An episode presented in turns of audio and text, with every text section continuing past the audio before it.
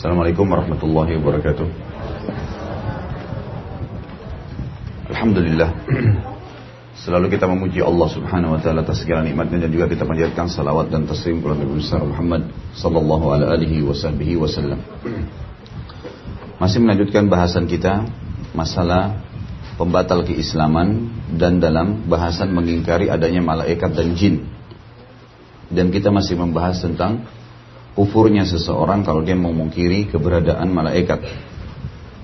Kita melanjutkan bahasan kita di poin ketiga beriman kepada malaikat alaihi wassalatu wassalam mengharuskan menghormati dan memuliakan mereka. Karena Allah subhanahu wa ta'ala memang menjadikan mereka hamba-hamba Allah pilihan. Dan memang, memang mereka diciptakan tanpa ada kemaksiatan. Sifat mereka selalu patuh terhadap apa yang Allah perintahkan dan mereka menghindari semua apa yang Allah larang Penulis ini mengatakan mereka adalah hamba Allah yang mulia, tidak mendurhakai perintah Allah, melakukan apa yang diperintahkan. Mereka bertasbih siang dan malam, tidak berhenti. Oleh karena itu, mencaci mereka dan menghina mereka tidak selaras dengan kewajiban menghormati dan memuliakan mereka. Walaupun dia mengakui adanya mereka. Misal ada orang malaikat ada dia bilang, tapi dia mencaci maki Jibril kah, Mikail kah, atau salah dari malaikat. Contoh pernah ada seorang fasik di Irak. Orang muslim tapi dia tidak faham agama, tidak pernah belajar. Sehingga tidak ada keimanan dalam hatinya. Dia menganggap agama adalah sebagai sebuah hiasan hidup saja, bukan sebuah panduan hidup. Maka dia lihat ada beberapa penuntut ilmu di kota Basra lagi jalan menuju ke masjid mau menuntut ilmu. Lalu sempat dia tanya, Kenapa kalian mau ke mana? Mau ke masjid. Mau ngapain? Mau belajar. Emang apa manfaatnya belajar agama?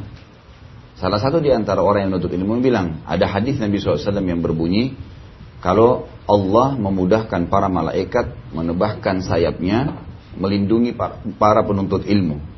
Maka orang ini bukannya ikut mendengarkan ceramah, bukannya minimal ya minimal memuji mereka karena memang mereka sudah melakukan perbuatan baik, ini malah tidak malah dianya mengolok-olok. Dia mengatakan, kalau begitu, sekarang sayap malaikat sedang ada menaungi kalian. Nih, saya injak-injak sayapnya malaikat. Sambil dia injak ke tanah. Subhanallah, spontan pada saat itu dalam kisah yang dikatakan orang ini lumpuh kakinya. Kuasa Allah subhanahu wa ta'ala. Maka tidak boleh sama sekali orang mengolok-olok karena yang disampaikan ini adalah Allah yang menyampaikan dan Rasulullah yang mulia sallallahu alaihi wasallam juga menyampaikannya. Maka harus kita mengimani sebagaimana Allah dan Rasulnya sampaikan. Kenapa orang-orang ini bisa dianggap ya, tidak menghormati Allah dan Rasulnya, padahal mereka mengakui kepada malaikat. Kalau ada yang mengatakan dia malaikat tapi tetap diolok-olok sama dia, karena hal tersebut berarti tidak menghargai Allah Taala dengan sebenar-benarnya dan memperolok-olok ayat-ayat Allah sebagaimana Allah berfirman dalam surah At-Taubah ayat 65 sampai 66. A'udzu billahi minasyaitonir rajim. Qul abillahi wa ayatihi wa rasulihi kuntum tastahzi'un la ta'tadiru qad kafartum ba'da imanikum. Al-ayat. Katakanlah hai Muhammad kepada orang-orang munafik pada saat itu di Madinah yang mengolok-olok perintah Nabi SAW atau titahnya atau informasinya. Pada saat Nabi SAW mengatakan kita akan menang di peperangan. Maka mereka mengatakan Muhammad apa ini? Bagaimana caranya bisa menang? Pasukannya lebih sedikit, pasukan musuh lebih besar dan dan seterusnya. Akhirnya pada saat Allah berikan kemenangan, mereka merasa menyesal orang-orang munafik ini. Lalu waktu ditanya, kenapa kalian dulu mengatakan tidak mungkin menang dan seterusnya? Oh kami cuma bercanda saja. Kami cuma main-main. Maka di sini berkata Allah subhanahu wa ta'ala, apakah, katakanlah, apakah dengan Allah, ayat-ayatnya dan Rasulnya, kalian berolok-olok tidak usah kalian minta maaf karena kalian telah kafir terhadap eh, sesudah beriman. Kalian sudah kalian telah kafir sesudah beriman. Ibnu Hazm berkata, salah satu ulama yang tinggal di Spanyol, benar waktu zaman kejayaan Islam di Spanyol ya, di akhir eh, atau di pertengahan masa kejayaan Abbasiyah, benar berdasarkan nas, nas adalah wahyu, Al-Quran dan Sunnah, bahwa siapa pun yang memperolok-olok Allah yang maha tinggi, atau seorang malaikat atau seorang nabi atau satu ayat saja dari Al-Quran atau satu kewajiban agama atau eh, semua itu adalah ayat-ayat Allah dan jika hujah telah sampai kepadanya maka dia telah kafir. Kalau sudah disampaikan nggak boleh loh haram ini, kamu salah gini. Enggak, saya nggak mau tahu. Misal dia ngotot, maka Ibnu Hazm mengatakan orang ini telah kafir. Gimana caranya dia mengolok-olok penciptanya gitu?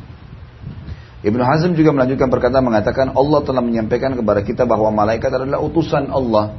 Allah berfirman di dalam Al-Quran surah Fatir ayat 1 A'udzu billahi minasyaitonir rajim ja'ilil malaikati rusula al-ayah Allah telah menjadikan malaikat sebagai utusan-utusannya. Saya sudah pernah bilang kalau atau di pelajaran uh, yang lain di Minhajul Muslim, kalau Bapak Ibu mau lebih tahu tentang malaikat dan tugas-tugas mereka, itu ada di surah nomor 77 dan 79 dalam Al-Qur'an. Dua surah ini berbicara tentang mereka. Ada yang malaikat tugasnya mengurus uh, uh, mengurus perputaran roda kehidupan dari air, dari udara, kemudian yang mengatur uh, turunnya hujan. Tapi ini semua dengan perintah Allah Subhanahu wa taala.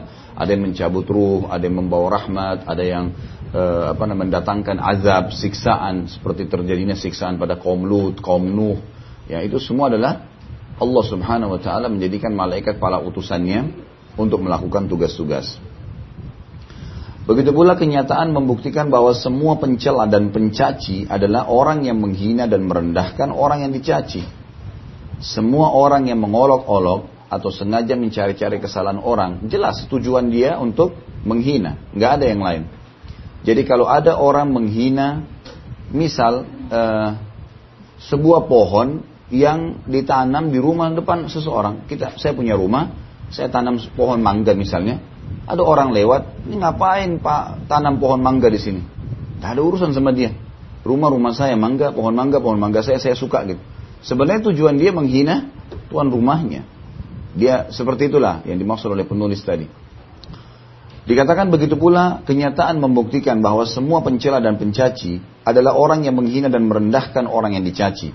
Maka mencela dan menghina adalah satu.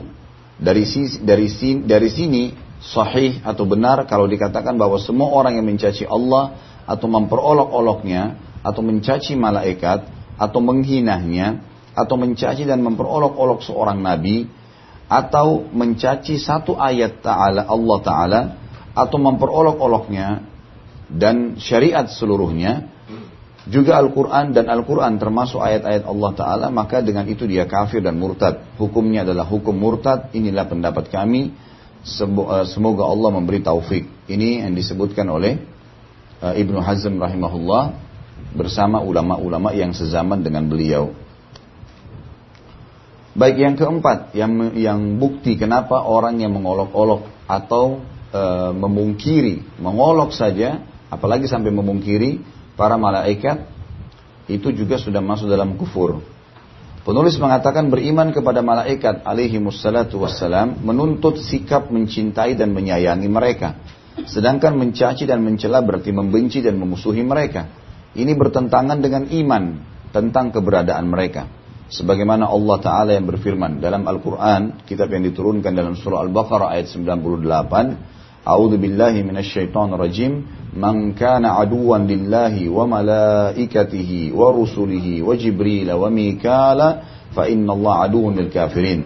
Barang siapa menjadi musuh Allah, Allah mengatakan kerjakan, Allah mengatakan jangan, eh, tinggalkan perintah dan larangan, dia mengatakan tidak. Dia memusuhi Allah. Bahkan ada orang subhanallah memusuhi syariat Allah Subhanahu wa taala dan memusuhi para orang-orang yang menjadi praktisi syariat itu sendiri.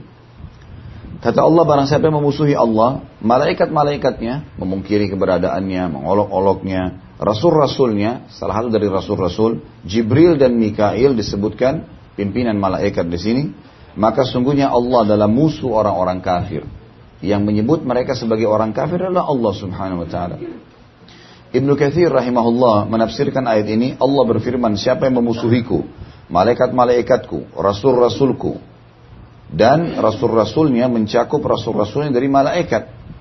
Sebagaimana firmannya dalam surah Al-Hajj ayat 75, A'udzu billahi minasyaitonir rajim. Allah yastafi minal malaikati rusulan wa minan nas. Allah memilih utusan-utusan dari malaikat dan juga dari manusia. Juga Allah mengatakan bagi orang yang memungkir dan mengolok-olok ini semua, dalam surah Al-Baqarah 98 tadi fa innallaha aduwwun lil kafirin maka Allah akan jadi musuh orang-orang yang kafir. Di sini terdapat kata zahir kata Ibnu Katsir rahimahullah yang mengambil posisi kata ganti atau damir dalam bahasa Arab. Dia tidak berfirman maka dia adalah musuhnya. Akan tetapi Allah berfirman maka sesungguhnya Allah adalah musuh orang-orang kafir. Allah menyebutkan nama ini secara zahir untuk menetapkan maknanya. Maksudnya makna daripada kekafiran. Dan menonjolkannya serta memberitahukan mereka. Barang siapa yang memusuhi wali Allah, orang yang dekat dengan Allah, maka dia memusuhi Allah. Barang siapa yang memusuhi Allah, maka Allah adalah musuh baginya. Barang siapa yang Allah menjadi musuh baginya, maka dia merugi dunia dan akhirat. Ini perkataan Ibnu Katsir rahimahullah. Ya. Jadi ini maksud di sini memusuhi wali Allah, malaikat itu semuanya adalah wali Allah. Orang-orang yang dekat sekali dengan Allah SWT. Makhluknya Allah yang tidak pernah berbuat kemaksiatan. Selalu saja beribadah. Di antara yang dikatakan oleh Al-Baydawi tentang ayat ini adalah dua malaikat disebut secara tersendiri karena keutamaan keduanya, maksudnya Jibril dan Mikail. Seolah-olah mereka berdua dari jenis lain dan untuk memberi peringatan bahwa memusuhi satu dari semua Eh, satu dan semua adalah sama dalam kekufuran dan menyebabkan permusuhan dari Allah Ta'ala. Dan bahwa siapa yang memusuhi salah seorang dari mereka saja, para malaikat, maka dia seperti memusuhi semuanya. Karena pemicu permusuhan dan kecintaan kepada mereka sebenarnya adalah satu. Dan karena permusuhan secara khusus terjadi pada keduanya. Dan memposisikan lafaz zahir di tempat domir, domir kata ganti, untuk menunjukkan bahwa Allah yang maha tinggi memusuhi mereka karena kekufuran mereka dan bahwa permusuhan tersebut atau terhadap malaikat dan para rasul adalah kufur.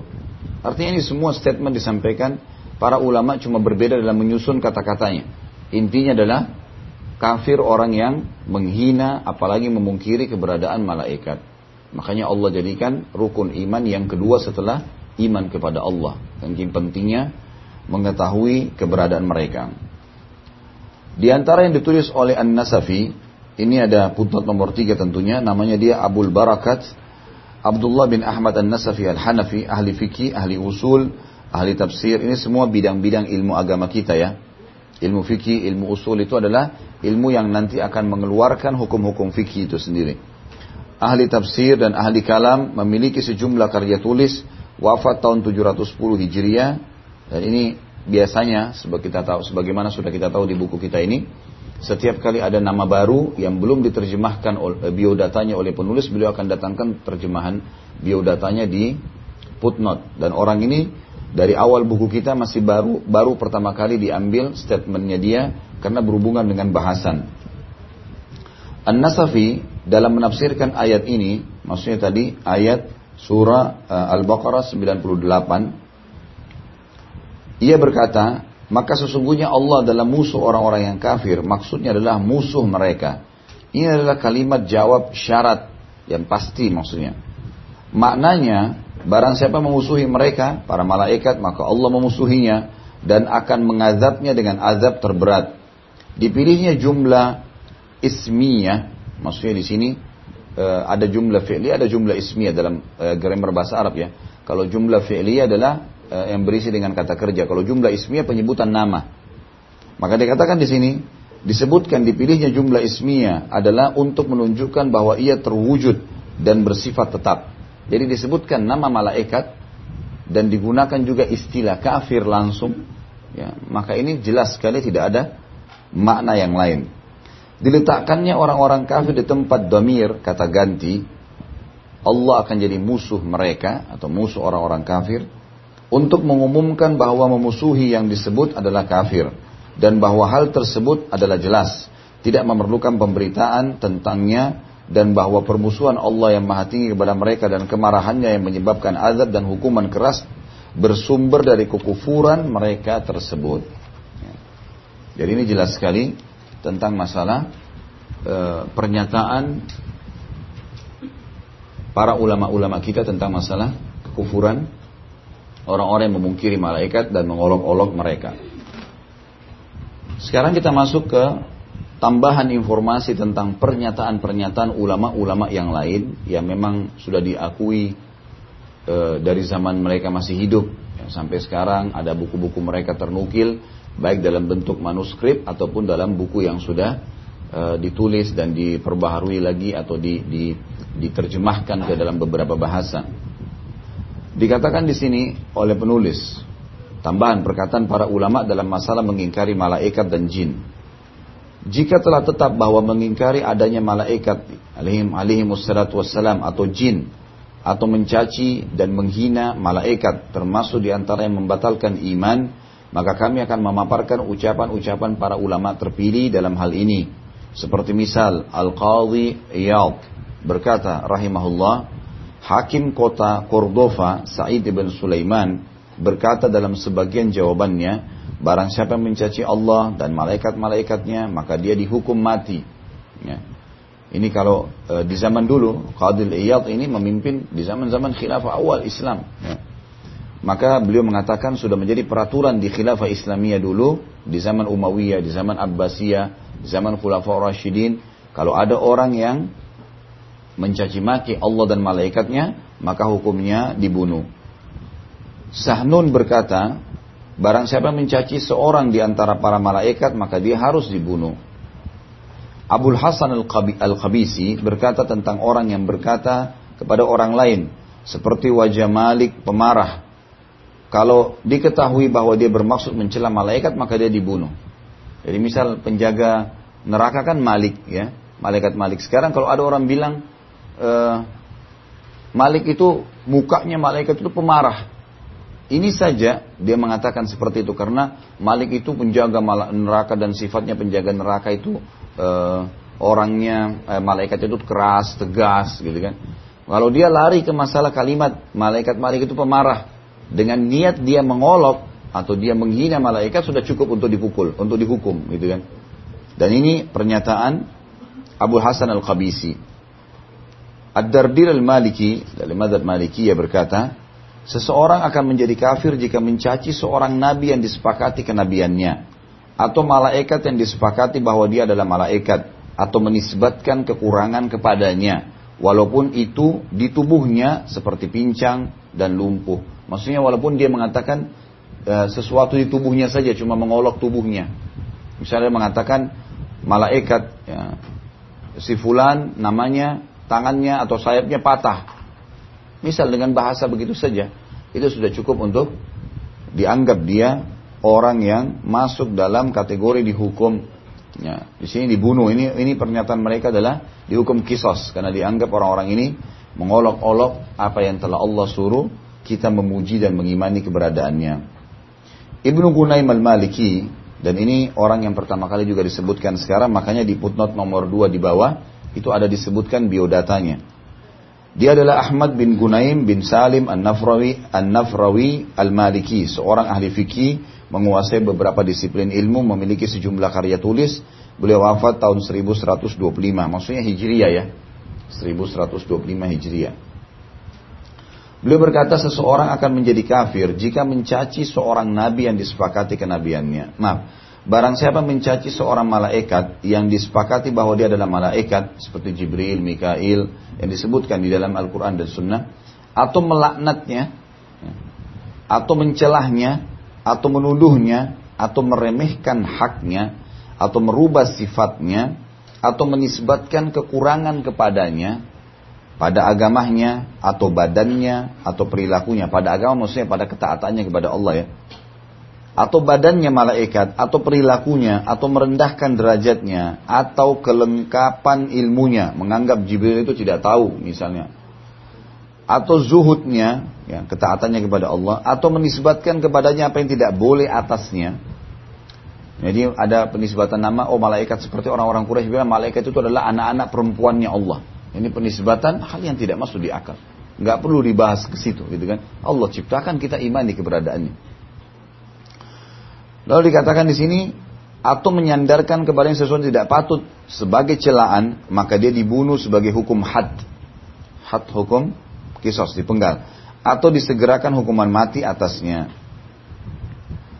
An-Nawawi dari madhab Syafi'i rahimahullah berkata, kalau dia berkata, ada seseorang berkata, seandainya yang bersaksi di depanku adalah seorang para nabi dan malaikat, aku tidak menerimanya. Niscaya dia kafir. Ada yang mengatakan, kalaupun sampai jangankan kamu sebagai dai, kalau nabi pun atau ada malaikat yang ngomong tentang ini saya tidak percaya.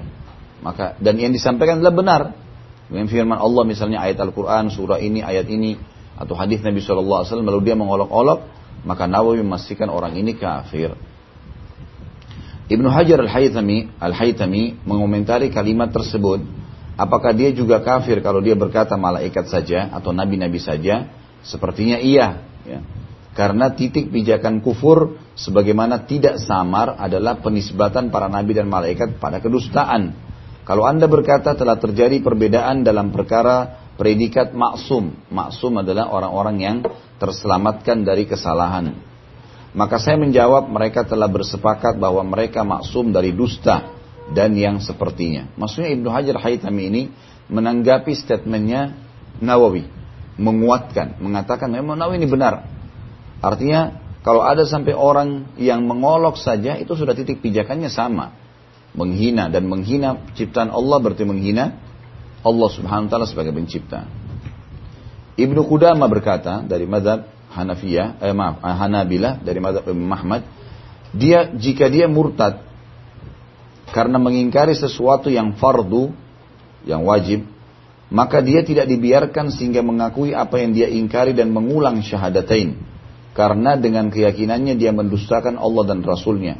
Begitu pula jika dia mengingkari salah seorang malaikat di mana terbukti dengan dalil yang sabit dan sabit artinya jelas ya ada tersebutkan dalam Al-Quran dan Sunnah, sabit.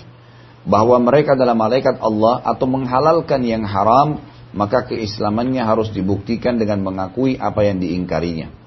Jadi Ibnu Qudama memastikan kalau ada orang menyebutkan sesuatu yang fardu, fardu kan itu wajib ya, mengimani Allah, mengimani malaikat, rukun iman kita yang enam, mengimani eh, para rasul-rasul, eh, kitab-kitab rasul-rasul, hari kiamat, berhubungan dengan masalah kematian, alam barza, e, mahsyar, kemudian timbangan amal, surga dan neraka, berhubungan dengan takdir dan keputusan Allah yang baik dan buruk adalah dari Allah yang dikenal dengan takdir atau qada dan qadarnya. Maka orang ini jelas sekali di, e, e, kata beliau dipastikan orang ini berarti kufur karena memang dia memungkiri kewajiban fardu itu. Yusuf bin Mar'i Al-Karmi berkata, barang siapa menyekutukan Allah yang maha tinggi atau mencacinya, atau mencaci Rasulnya, atau malaikatnya, maka dia kafir. Ini semua perkataan ulama satu dari satu eh, eh, satu sama yang lain saling mendukung pendapat. Walaupun mereka berbeda wilayah pada saat itu mereka ada yang tidak saling ketemu malah gitu kan. Tapi statementnya mengerucut kepada hal yang sama kekafiran orang yang mengolok-olok ataupun mengingkari keberadaan malaikat Al-Buhuti menyebutkan bahwa barang siapa yang mengingkari malaikat atau seseorang yang terbukti bahwa dia malaikat, maka dia kafir karena dia mendustakan Al-Quran. Ini adalah sebagian ucapan para ulama terkait dengan malaikat alaihi musallatu wassalam. Adapun jin, dan kita sudah ingat kalau masih ingat pertemuan yang lalu, bahwasanya kita membahas di pasal ini mengingkari dan mengolok-olok malaikat dan masuk dalamnya mengingkari keberadaan jin. Keberadaan jin ini juga tidak boleh dipungkiri ya. Harus diyakini keberadaannya, tetapi beda dengan malaikat. Kalau malaikat memang kita harus memuliakannya. Kalau jin dirincikan, jin beriman, kita akui dulu secara global ada makhluk Allah namanya jin, walaupun tidak kelihatan. Sebagaimana malaikat tidak kelihatan, karena Allah menyebutkan mereka dan Allah sebutkan salah satu ayat Al-Quran namanya surah jin. Ya.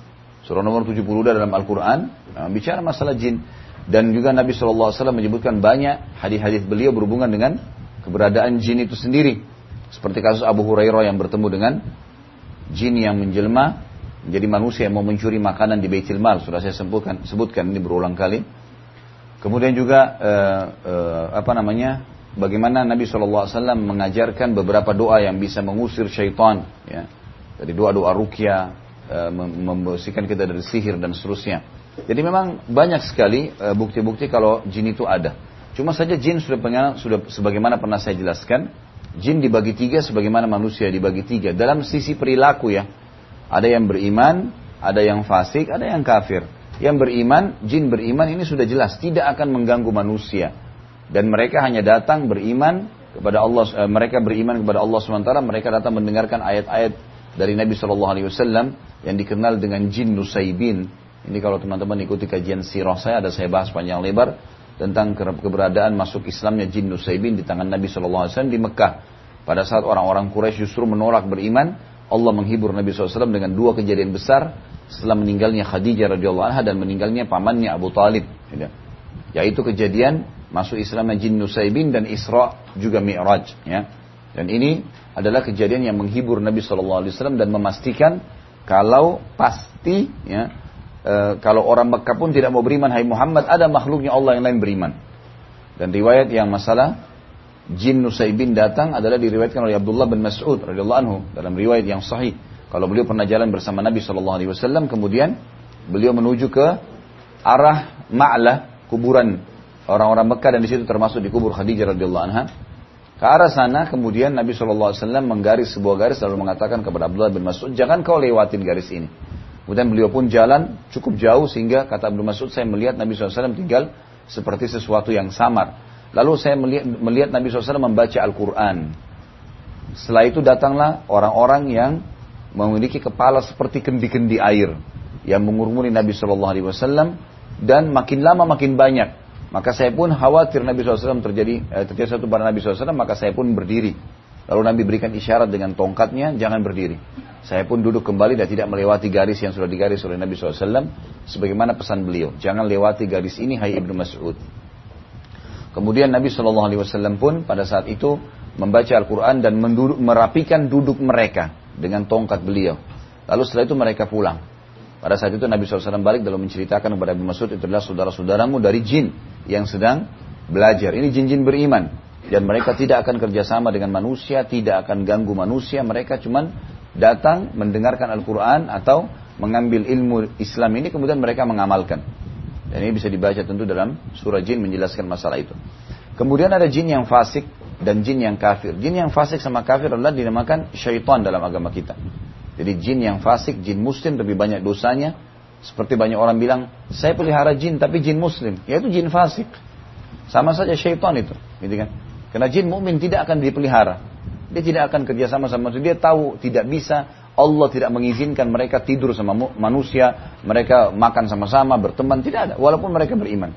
Tidak ada satu riwayat pun disebutkan Nabi SAW mengajak mereka berperang di Uhud, di Badr. Bisa kan Nabi ajak jin-jin? Ya saudara kalian jin.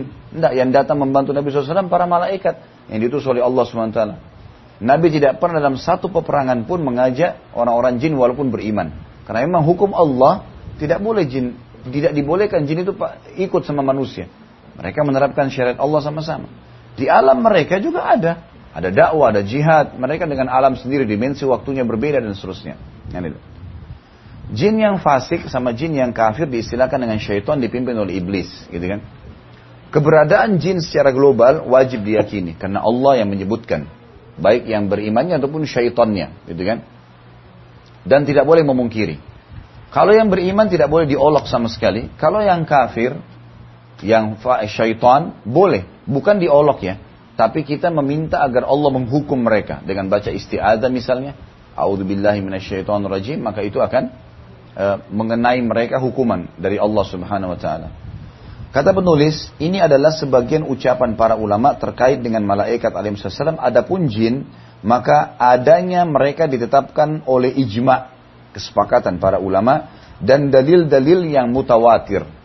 Dan mutawatir sudah pernah saya sebutkan, kalau jalurnya banyak menuju ke Nabi Shallallahu Alaihi Wasallam. Jadi misal A, B, C, D, E, F misalnya ada enam orang atau tujuh orang, ini semuanya meriwayatkan hadis dengan jalur masing-masing. Si A meriwayatkan dari orang satu, orang dua, orang tiga Nabi SAW. Ini meriwayatkan dari orang yang keempat, lima, enam. Beda-beda orang-orangnya. Sehingga jalurnya banyak menuju ke Nabi SAW. Dikatakan dengan hadis mutawatir. Dan ini dipastikan semua hadis mutawatir adalah sahih. Diterima. Karena jalurnya banyak. Kalau ada satu jalur yang lemah maka dikuatkan dengan yang lainnya. Ia adalah perkara yang diketahui dalam agama secara daruri. Harus kita yakin keberadaan mereka. Gitu kan? Dan sifat-sifat baik dan buruknya yang sudah diceritakan dalam Al-Quran dan Sunnah. Dari sini maka mengingkari jin adalah mengingkari perkara yang diketahui secara mendasar dalam agama Dan masalah ini yang akan kami bicarakan pada pasal yang akan hadir insya Allah. Maksudnya beliau akan menjelaskan lebih jauh nanti di beberapa poin yang disinggung juga. Yang akan disinggung. Allahu alam. Jadi di sini harus kita yakini ya. Dan kita dengan meyakini keberadaannya. Seperti misal contoh, ada sebagian orang bilang, nggak ada tuh, nggak ada jin itu. Ini salah juga, nggak boleh. Dia memungkiri. Tapi dia mengatakan ada syaitan, tapi caranya kalau syaitan datang diusir. Kalau jin beriman tidak akan mengganggu. Jadi dia yakini keberadaannya. Walaupun dia tidak bisa melihatnya. Karena banyak hal yang kita tidak bisa lihat ternyata ada. Seperti sekarang kita merasakan sejuk misalnya. Atau panas misalnya. Atau kita rasa lapar, rasa haus, sedih, senang. Kita bisa rasakan, tapi nggak kelihatan. Berarti ada hal-hal yang kita bisa rasakan tapi tidak bisa kelihatan. Tapi kita yakin, buktinya Bapak Ibu kalau lapar makan, karena kita yakin lapar itu ada, gitu kan? Dan kita bisa rasakan, sebagaimana udara yang kita bisa rasakan, gitu kan? Dan seterusnya banyak contoh berhubungan dengan masalah-masalah seperti ini. Allahu alam. Baik, sebelum pindah ke pasal setelahnya, ada pertanyaan berhubungan dengan masalah malaikat dan jin ini? Ditulis. Kenapa? Tuyul itu istilah. Nama, tuyul, kuntilanak lah, gunduruo lah, apa semua itu istilah kita di Indonesia. Semua itu masuk di syaitan. Semua itu masuk di syaitan.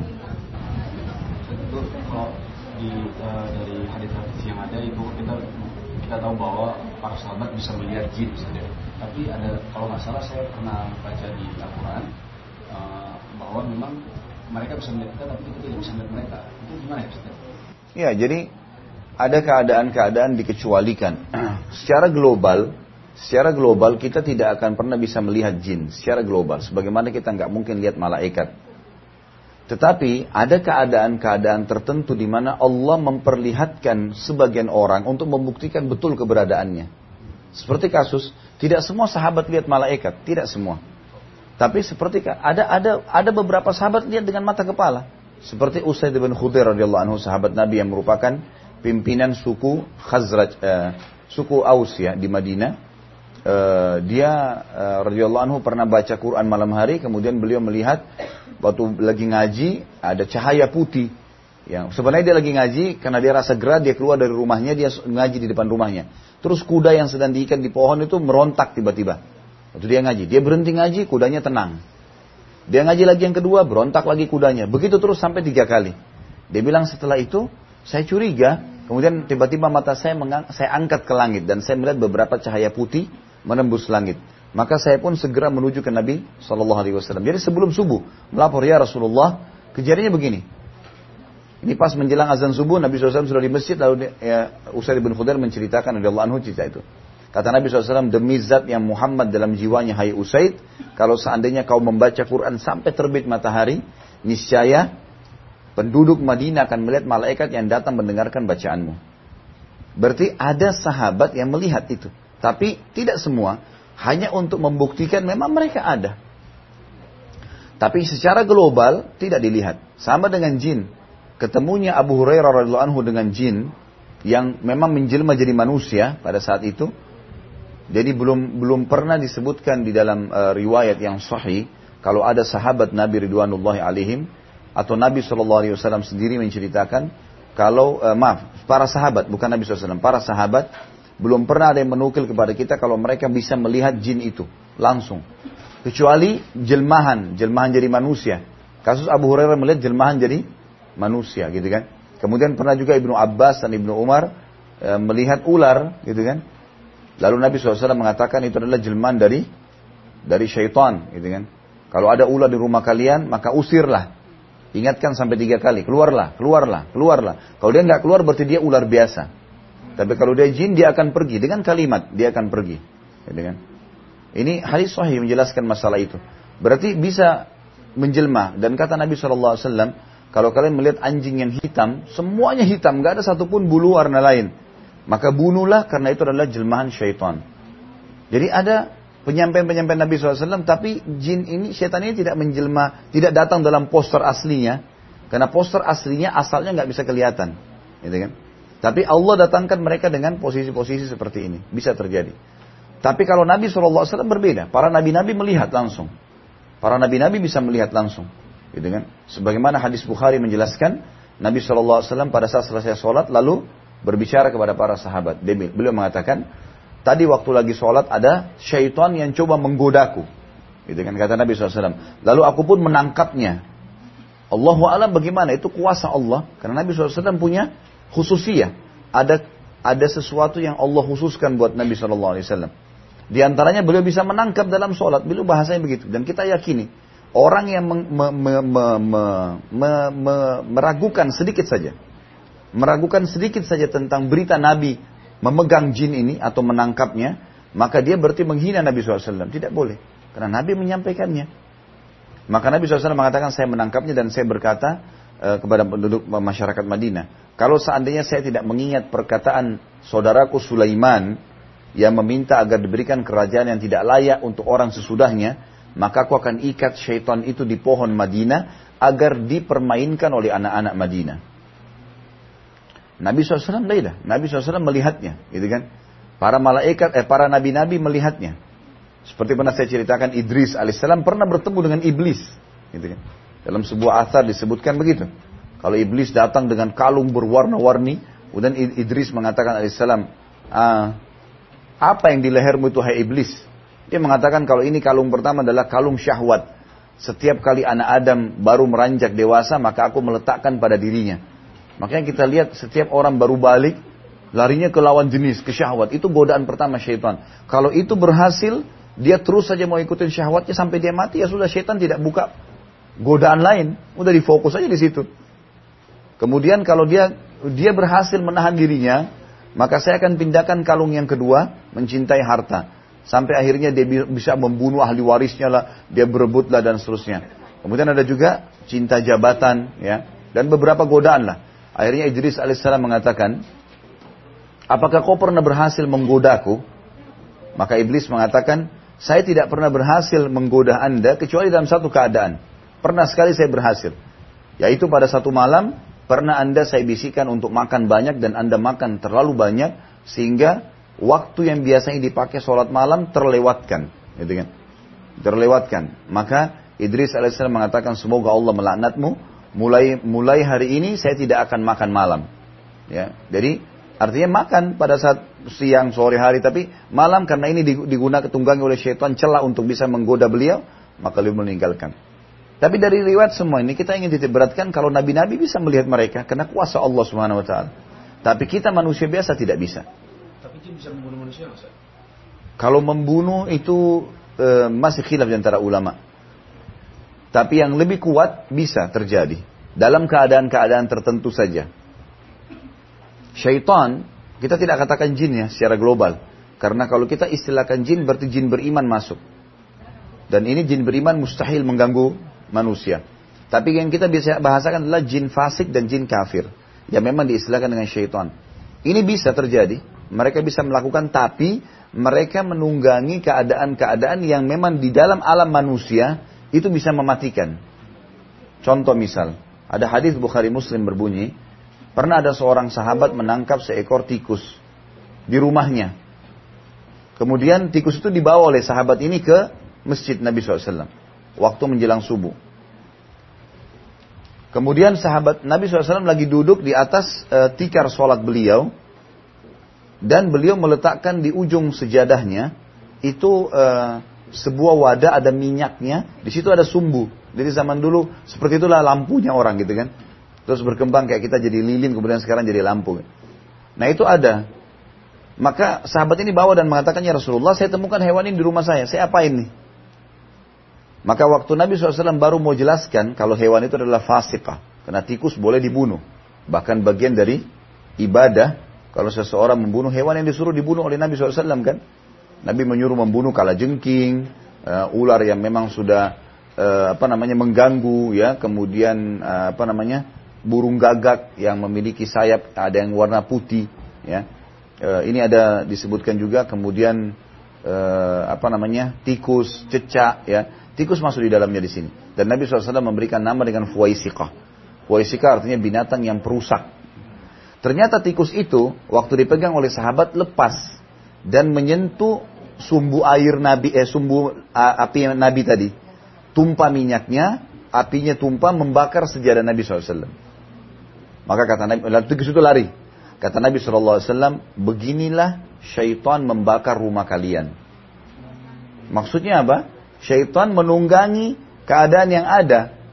Makanya kita disuruh tutup panci, tadi tikus misalnya disuruh bunuh. Jadi pintu-pintu yang membuat syaitan bisa menunggangi, itu ditutup sehingga dia tidak bisa melakukannya. Tapi kalau syaitan kita lagi jalan terus nusuk kita tiba-tiba itu nggak bisa.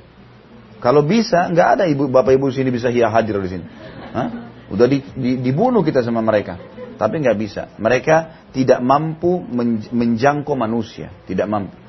Mereka cuma bisa datang membisikkan ya kita baca istiada mereka sudah dihancurin sama Allah gitu-gitu. Ya jadi mereka sangat lemah. Makanya godaan syaitan kata Allah Subhanahu wa taala dalam Al-Qur'an, "A'udzu billahi minasyaitonir rajim. Inna qaida syaitani kana dha'ifa." Sesungguhnya syaitan itu tipu dayanya pun dianya pun sangat lemah. Artinya manusia walaupun tidak melawan secara fisik, dia baca istiada saja A'udzu billahi minasyaitonir rajim. Aku berlindung kepada Allah dari syaitan yang rajim. Saya sudah pernah jelaskan kan? Rajim artinya dipanah dengan panah api oleh malaikat. Jadi sebenarnya makna terkutuk itu lebih baik diubah ke itu. Memang makna rajim. Ya. Karena banyak ada ayat Al-Quran menceritakan pada saat syaitan-syaitan itu berusaha untuk mendengar informasi dari langit, maka mereka menemukan para malaikat yang menyiapkan panah-panah api mereka dan memanahi mereka. Bisa, dia bisa masuk. Iya, setan bisa masuk. Iya. Teman saya sudah dua minggu ini ada sedikit aneh Setiap habis mandi dari jam 6 sore sampai jam 8 pagi dia di kamar mandi Itu. Ya itu itu termasuk gangguan syaitan. Ya, jadi bapak bertanya ada anak temannya setiap jam 6 sore itu sampai mandi Sampai jam 8 pagi nggak keluar dari kamar mandi. Ya. Ya. Itu gangguan syaitan. Jadi gini, syaitan itu bisa masuk ke badan manusia dengan dua jalan. Jalan yang pertama adalah yang umumnya Allah bukakan dia jalan memang seperti hadis Nabi SAW waktu beliau lagi itikaf di masjid di Ramadan sempat salah satu istri beliau datang membawakan makanan ngobrol dengan Nabi nyampein hajatnya namanya Sofia binti Huyai radhiyallahu anha salah satu istri Nabi SAW Waktu Sofia mau pulang dari masjid menuju ke rumahnya, karena rumahnya agak jauh. Yang paling dekat dengan masjid rumahnya Aisyah radhiyallahu anha. Ini Sofia agak jauh, maka Nabi SAW antar pulang. Karena gelap zaman dulu, kan, nggak ada cahaya kayak kita sekarang penerangan lampu. Maka ada dua orang dari Ansar jalan melihat Nabi jalan dengan seorang wanita, mereka percepat langkahnya. Maka Nabi SAW tahu, Nabi mengatakan ala rizki kuma, pelan-pelan aja. Maka ini adalah Sofia binti Huyai. Ini istri saya gitu. Maka mereka mengatakan subhanallah. Artinya mereka saya katakan mengatakan kami nggak akan sangka sampai situ kok ya Rasulullah. Kata Nabi SAW, sesungguhnya syaitan mengalir dalam tubuh manusia sebagaimana mengalirnya darah. Artinya dia diberikan kesempatan oleh Allah selalu ada dalam jiwa kita untuk mengganggu, menggoda. Tapi dia hanya menggoda. Dia hanya mengatakan lakukanlah, jangan lakukanlah. Seperti misalnya hadis Nabi mengatakan, Sallallahu Alaihi Wasallam, kalau ada orang terbangun di malam hari, maka malaikat akan mengatakan padanya, bangunlah, sholatlah. Dan syaitan akan berkata padanya, tidurlah, malam masih panjang.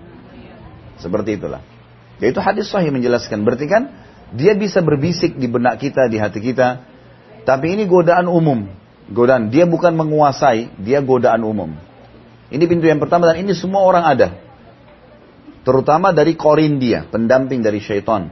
Karena kata Nabi SAW, kita semua ada korinnya. Lalu para sahabat mengatakan, korin maksudnya dari syaitan ya. Karena malaikat yang mendampingi kita, yang mengimbangi syaitan itu namanya malaikat hafadhah. Ini yang selalu mengingatin kita kebaikan-kebaikan. Kalau syaitan yang korin yang mengingatkan keburukan. Seperti misalnya hadis Nabi SAW, kalau orang mau tidur malam hari maka malaikat pendampingnya berkata, Tutuplah hidupmu dengan kebaikan-kebaikan. Jadi misal diingatkan dia program apa yang dia buat dari kebaikan di hari itu. misal dia sholat, dia segala macam, diingatkan sehingga dia membuat itu program untuk besok hari. Kemudian akan datang syaitan korinnya mengatakan, tutuplah hidupmu dengan keburukan. Lalu diingatkanlah semua perbuatan maksiatnya hari itu supaya dia senang dengan itu lalu dia ulangi lagi besok. Tinggal manusia memilih yang mana. Jadi ada pendampingnya gitu kan. Nah korin ini memang mendampingi kita. Dia selalu ada. Jadi dia selalu standby di situ ada menggoda manusia. Bahkan korin ini bisa masuk ke dalam mimpi manusia. Seperti orang mimpi junub misalnya. Mimpi junub itu dari syaitan. Ya, jadi laki-laki sini jangan anggap prestasi itu. Ya. Orang mimpi junub. Atau misalnya juga perempuan, ada ibu-ibu atau akhwat yang mimpi berhubungan badan sama laki-laki itu syaitan semua. Itu syaitan semua. Makanya Nabi SAW tidak pernah tidak pernah mimpi junub alaihi salatu wassalam. Dan insya Allah orang kalau istiqomah di jalan Allah, Allah SWT akan jaga dari itu. Jadi dia bisa mengganggu. Dia bisa mengganggu kita. Tapi sebatas gangguan, godaan. Dan caranya sederhana, tolak. Udah selesai. Kamu begini-begini? Enggak, saya enggak mau. Audzubillah rajim. Tolak saja. Syaitannya enggak bisa menjelma. Kalau kita disuruh berzina misalnya lalu menjelma tarik celana kita atau enggak bisa. Enggak bisa buat apa-apa dia. Ini Korin tadi. Yang kedua pintunya dari sihir. Nah kalau sihir agak berbeda. Kalau sihir ini ada se, uh, ada batas-batas, ada sesuatu yang dia bisa menguasain di jiwa manusia itu. Jadi dia akan uh, lebih mempengaruhi jiwa manusia karena setan ini dikirim dari luar oleh penyihir dan dibantu oleh si korin. Jadi mereka kayak kayak uh, memang mengkonspirasi untuk menyusahkan orang ini gitu membuat dia selalu sumpek, membuat dia jauh dari Allah. Seperti tadi kasus misalnya, jelas kamar mandi itu kita selalu kalau masuk kamar mandi berdoa, Allahumma inni a'udzubika minal khubuthi wal khaba'ith. Ya Allah jauhkan kami dari setan laki-laki dan setan perempuan. Kata sebagian ulama kalau orang sudah selesai hajatnya nggak boleh lama-lama di kamar mandi. Karena memang itu hajat saja mandi atau buang air satu keluar, gitu kan? Maka itu adalah tempat di mana syaitan berkumpul. Kalau ada orang mengikat dirinya seperti ini harus dirukyah. Harus dirukyah, gitu kan? Harus dibacain ayat-ayat rukyah dan saya sarankan Bapak bisa hadiahkan buku, ada buku judulnya Doa Rukyah. Itu diterbitkan pustaka. Kalau nggak salah ada di sini kok. Di tempat Ibu Ami ada. E, apa namanya bisa beli kemudian dibacain saja. Suruh bacain gitu kan. Ya, itu Allah alam godaan syaitan. Jadi dia bisa masuk. Nah kalau sihir harus dengan rukyah. Tidak cukup dengan audzubillah minasyaitonir rajim. Ya jadi tidak cukup dengan isti'adah, tapi harus dengan rukyah karena memang rukyah diajarkan oleh Nabi SAW untuk mengobati itu.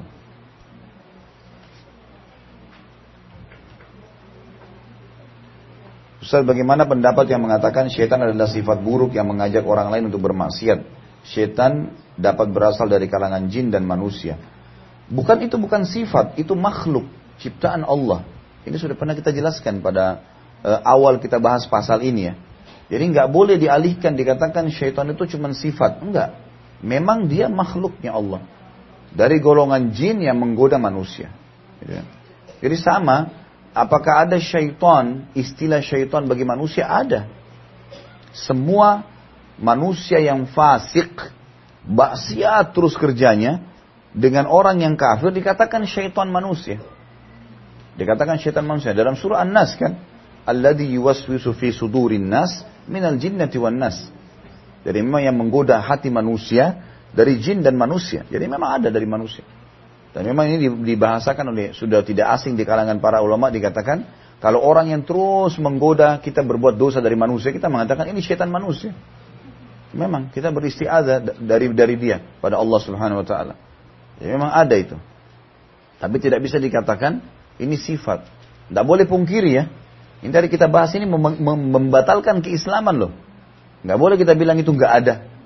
Harus kita mengatakan memang ada. Dan kita tinggal ikutin instruksi wahyu tentang masalah itu. Di dalam grup uh, WhatsApp pernah ada or, salah seorang teman yang mengolok-olok ayat Allah. Lalu saya menegurnya di grup dan juga dengan refleks tanpa maksud merendahkan beliau di grup tersebut. Lalu beliau tiba-tiba langsung berubah sikap terhadap saya. Apa yang harus saya lakukan? Apa apa yang saya lakukan? Apakah yang saya lakukan ini salah? Oh ya, saya menegurnya dengan surah At-Taubah ayat 66 ayat 6 eh, sampai 66 65 sampai 66. Sama sekali tidak salah, benar itu. Karena dia dia melakukan gini gini. Kalau ada orang melakukan perbuatan salah secara diam-diam dan kita mengetahuinya, kita nasihati dia diam-diam. Tapi kalau ada orang melakukan di tempat umum, kita nasihati di tempat umum itu. Supaya keburukannya jangan makin jadi kan. Sekarang nggak mungkin ada orang lagi melakukan satu apa gitu kegiatan yang bermuasir dan tempat umum. Lalu kita lihat ini efeknya akan ke mana-mana. Orang yang hadir bisa terpengaruh dan seterusnya. Maka kita harus ingatkan di situ. Gitu kan? Tapi kalau misalnya kita tahu orang ini berbuat, kita pernah dengar, ada informasi sampai, kita nasihatin di belakang lah. Gitu kan? Jadi disesuaikan dengan keadaan. Orang ini karena melempar, mengolok ayat Al-Quran di dalam grup, kesalahan dia nih. Harus memang diingatkan. Dan ini tidak salah kita ingatkan. Tapi kalau misalnya ada orang menganggap kita tahu ini orang sebenarnya tidak faham, dia cuma copy paste saja, ngambil dari mana, ya kita bolehlah ya. Mungkin Japri dia mengatakan maaf saya tak tahu saya gini gini gini. Ini nggak boleh loh ini ada ayatnya begini. Ya, seperti itulah ya. Kalau dia oh ya saya baru tahu ya. Baik tolong ditarik tuh di grup. Bisa saja gitu kan tapi tidak salah kalau spontan dan refleks saya ingatkan hati-hati ini salah loh karena begini begini begini. Masalah dia berubah sikap itu tidak ada masalah karena dia sudah, dia menjurumuskan dirinya pada itu kan. Nggak mungkin ya. Dia yang sengaja masukkan ke grup. Makanya orang di grup itu nggak boleh buru-buru teman-teman sekalian. Banyak fitnah terjadi karena buat grup banyak, kemudian dia main kirim-kirim sembarangan ke situ. Jangan. Itu kan rame-rame orang. Dan otaknya orang berbeda-beda. Ya, pemahamannya berbeda-beda. Ya gitu. Tingkat pemahamannya juga berbeda. Ini berbahaya sekali. Saya sarankan kalau grup ini betul-betul grup yang bermanfaat saja, tidak keluar, nggak usah masuk di situ. Ngapain kita susun? Nanti akhirnya ada yang kirim foto salah, kita digoda oleh syaitan untuk menyimpannya atau kita melihatnya. Jadi banyak fitnah yang terjadi. Atau mungkin ada informasi yang salah. Kalau kita tidak tahu, kemudian kita main nukil saja ini berbahaya. Apakah dengan seseorang mengolok-olok ayat Allah, Rasul, malaikat, mereka harus mengucapkan kalimat syahadat lagi karena disuruh at-taubah, menyatakan dirinya kafir setelah beriman? Tentu disampaikan hujah. Tadi kan sudah disampaikan itu ya. Disampaikan hujah, disampaikan argumentasi. Hujah itu argumentasi. Ini loh, ini nggak boleh loh, gini-gini. Kalau sudah sampai hujah padanya tetap dia nggak mau terima, ya dia harus syahadat itu. Jelas. Dari tadi bahasan kita masalah itu. Tentang masalah tidak diragukan lagi kekafiran orang yang terus mengolok-olok apalagi sampai memungkiri keberadaan Allah, malaikat-malaikatnya, kitab-kitabnya, apalagi termasuk mengolok-oloknya ya. Seperti itulah. Jadi disampaikan hujah dulu padanya. Kalau tidak mau, maka itu berarti sudah jelas dia kufur. Kenapa orang kesurupan tidak dibacakan isti'adzah saja? Karena syaitan bakal mati dirajam, tetapi dibacakan ayat-ayat rukyah. Saya sudah bilang tadi. Jadi kalau yang yang isti'adzah itu berlaku pada syaitan yang datang menggoda bukan karena sihir ya. Kalau sihir memang yang dikirim oleh dukun itu memang ada ada ada ada buhul, ada yang diikat, ada ilmu sihirnya mereka ada. Memang syariat datang mengajarkan kita begitu. Sihir harus dengan rukyah, nggak bisa dengan istiadah saja. Dan itu jalan yang benar gitu kan. Kita ikuti syariat Allah Subhanahu wa taala. Banyak yang bilang kalau bayi nangis saat maghrib itu karena melihat jin. Benarkah? Lalu apa yang harus orang tua lakukan? Tidak benar ini. Dia nangis mungkin lapar, mungkin lagi, iya perutnya sakit, ada hubungannya masa setiap maghrib nangis kemudian. Jadi itu keliru. Allah alam tidak pernah ada dalil masalah itu. Kita punya dalil yang menjelaskan itu. Jadi nggak ada. Yang ada itu hadis menjelaskan kalau setiap bayi yang lahir maka syaitan akan menekan perutnya sehingga dia menangis. Itu mungkin tangisan bayi. Yang pertama lahir saja. Sampai kata Nabi SAW tidak ada bayi yang lahir di muka bumi ini kecuali semuanya ditekan perutnya oleh iblis, ya, kecuali Isa putra Maryam. Ini sabda Nabi Shallallahu Alaihi Wasallam kita imani apa adanya gitu. Tapi bukan berarti bukan berarti diahnya bayi itu jadi masalah enggak. Artinya iblisnya melakukan itu sebagai bentuk dendamnya dia pada Adam alaihissalam. Tapi ini juga tidak ada masalah bagi dia. Ya. Bagi muslim maksudnya bagi manusia itu tidak ada masalah. Ya. Ustaz benar nggak kalau ayam berkokok berarti ada malaikat? Kambing mengembek berarti ada jin? Apakah kita harus percaya uh, pada tanda-tanda seperti itu? Kalau ayam berkokok ada hadisnya. Hadis sahih itu. Harus kita imani. Kata Nabi SAW, kalau ayam sedang ayam jantan sedang berkokok, mintalah karunia Allah karena dia sedang melihat malaikat. Tapi kalau kambing nggak ada hubungannya. Kambing nggak ada dalil. Yang ada anjing. Kata Nabi SAW, kalau ayam berkokok, maka mintalah karunia Allah karena dia sedang melihat malaikat. Dan kalau anjing sedang menggonggong, maka istiadalah kepada Allah karena dia sedang melihat syaitan. Itu ada. Gitu kan? Tapi kalau uh, uh, kambing nggak ada hubungannya nih, ya. sama sekali nggak ada dalilnya. Apakah kita harus percaya? Kalau ada dalilnya harus percaya, nggak bisa nggak. Nggak boleh ragu dengan penyampaian Allah dan Rasulnya, mutlak. Apa pun sifatnya, maka kita harus terima. Masuk akal kita atau nggak masuk akal kita, gitu kan? Itu wahyu namanya. Makanya pernah ada sahabat kalau masih ingat saya bilang adik kakak kakaknya sakit perut, kemudian datang ke Nabi SAW mengatakan ya Rasulullah kakak saya sakit perut. Kata Nabi berikan madu, lalu diberikan madu sama si adik, begitu habis minum rumahnya belum sembuh. Lalu dia berkata lagi, eh, adiknya kembali kepada Nabi SAW, ya Rasulullah kakak saya belum sembuh. Kata Nabi SAW, Allah pasti benar dan perut kakakmu yang bohong. Jadi Nabi SAW tanamkan di sini masalah akidah. Gak mungkin salah, tapi tunggu prosesnya, gitu kan? Karena memang sunnatullah, sistem yang sudah Allah buat teman-teman sekalian, kita melalui proses yang sudah Allah ciptakan, gitu loh. Sudah diciptakan sistem itu.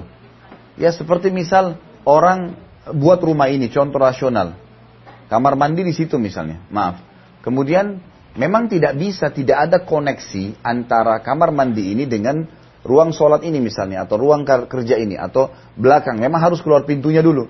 Gak mungkin kita mengatakan bisa kok dari sana. Gak mungkin keluar. Jadi ada sistem yang Allah ciptakan. Nabi Muhammad SAW dijanjikan perang Khaybar. Menang di perang Khaybar. Waktu setelah selesai terjadi eh, kesepakatan Hudaybiyah. Eh, kemudian Nabi SAW dilarang oleh orang Quraisy eh, umrah. Beliau pulang ke Madinah. Waktu sementara pulang turun ayat Al-Quran menjelaskan bahwasanya Nabi SAW akan menang di Khaybar, merebut Khaybar, akan menaklukkan Mekah. Pertanyaannya di sini, apakah Nabi SAW waktu sudah dapat jaminan akan menang di Khaybar itu, merebutnya, apakah Nabi cuma duduk di rumah, duduk di rumah, duduk santai, sudah Khaybar Allah sudah janji, sudah saya di sini saja. Enggak. Allah suruh Nabi SAW bentuk pasukan, serang Khaybar itu. Lalu kemudian ada sahabat yang mati syahid, ada yang terluka, ujungnya menang. Berarti kan ada prosesinya. Padahal janji Allah pasti. Maka fahami itu. Kita kalau minta sesuatu sama Allah ada prosesnya. Kita minta lapar kita hilang, tidak langsung hilang laparnya. Dapat makanan, ngunyah dulu, telan dulu, diproses sama usus, baru laparnya hilang. Jadi jangan buru-buru untuk menilai buruk gitu kan.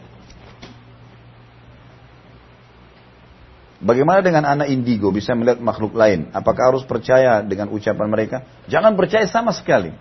Ini dari syaitan. Indigo itu dari syaitan. Tidak boleh dipercayain. Sama sekali. Dan ini pernah saya bahas di salah satu uh, eh, TV swasta sebenarnya. Waktu itu di Trans, Trans TV ya. Datang bahas masalah indigo. Minta kepada saya, Ustaz kita bahas masalah ini. Baiklah. Terus saya sempat bicara lama sama sutradaranya. Dia sempat mengatakan, e, ini indigo ini kelebihan. Saya bilang ini bukan kelebihan. Ini gangguan syaitan.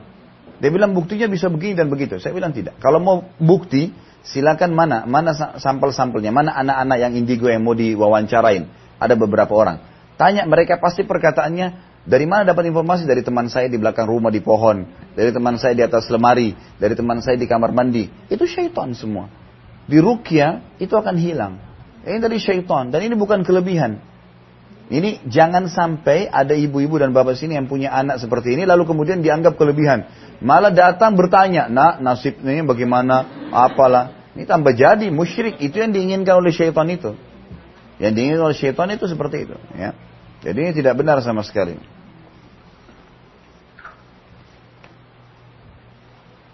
Mertua saya masih menjalankan adat kejawen karena saya pindah rumah. Mertua laki-laki dan suami sebelum rumah itu kami tinggali, mereka menanam sesajen berupa macam-macam bumbu dapur, makanan-makanan dan lain kembang berbagai macam dengan alasan demi keselamatan penghuni rumah. Apa apa saya harus rukia rumah saya atau bagaimana Pak Ustadz? Karena saya tidak mau disebut pembangkang atau membantah mertua dari suami saya. Sebenarnya begini, harus difahamin dulu kalimat membangkang. kita membangkang itu kalau kita memungkiri sesuatu yang benar. Itu namanya membangkang.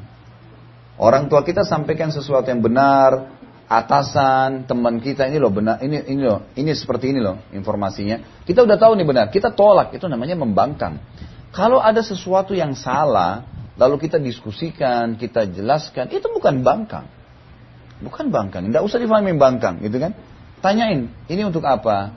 Ada perintah dalam agama enggak, gitu loh. Itu dulu ya. Tapi kalau sudah terlanjur terjadi, bagaimana harus dilakukan? Ya, harus dirukyah, nggak bisa.